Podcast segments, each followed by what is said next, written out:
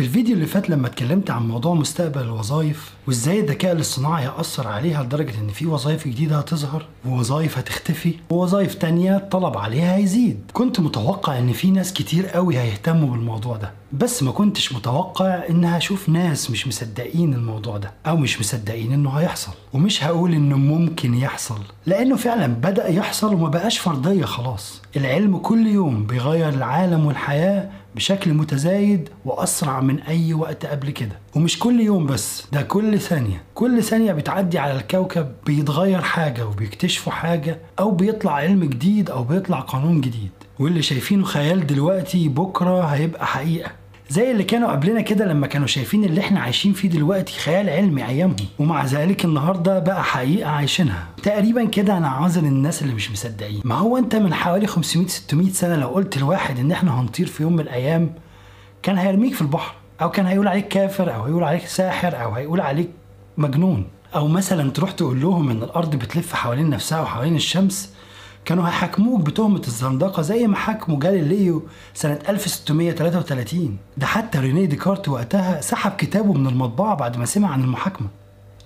والكتاب بتاعه كان بيأيد فيه نظرية كوبرنيكوس. فطبعا ما كانش عايز يحصل اللي حصل لجاليليو خصوصا إنه كان معروف قوي العداء اللي بينه وبين رجال الدين بسبب أفكاره. ولو رجعنا للخيال اللي بقى حقيقة مش هقدر أجيب مثال أفضل من أفلام وروايات الخيال العلمي. إحنا تقريبا دلوقتي عايشين تفاصيل روايات اتكتبت من 200 و 300 سنة. عندك مثلا جول فيرن.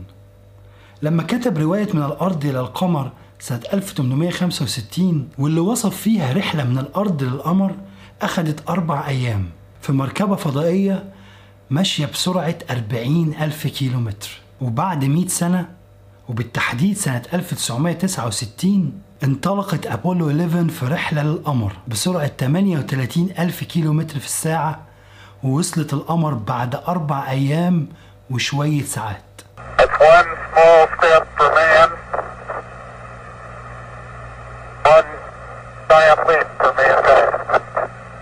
وياما روايات كتير اتحققت غيرها وده يخلينا أقول إن جملة إن الخيال العلمي بيتنبأ بالمستقبل مش مدية الخيال العلمي حقه. لأن الخيال العلمي بيصنع المستقبل. أيوه الموضوع في الأول والآخر خاضع لخيال الكاتب. بس اللي بنشوفه في الواقع بيتوافق مع بعض الروايات والأفلام. مش نبوءة بتتحقق. ده جهد علماء وباحثين بيشتغلوا على اللي بيشوفوه وبيتفرجوا عليه وبيقروه عشان يخلوه حقيقة.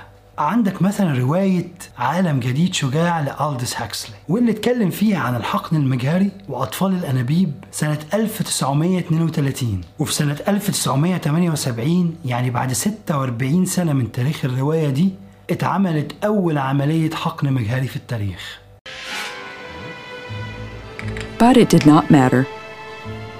The experiment was successful.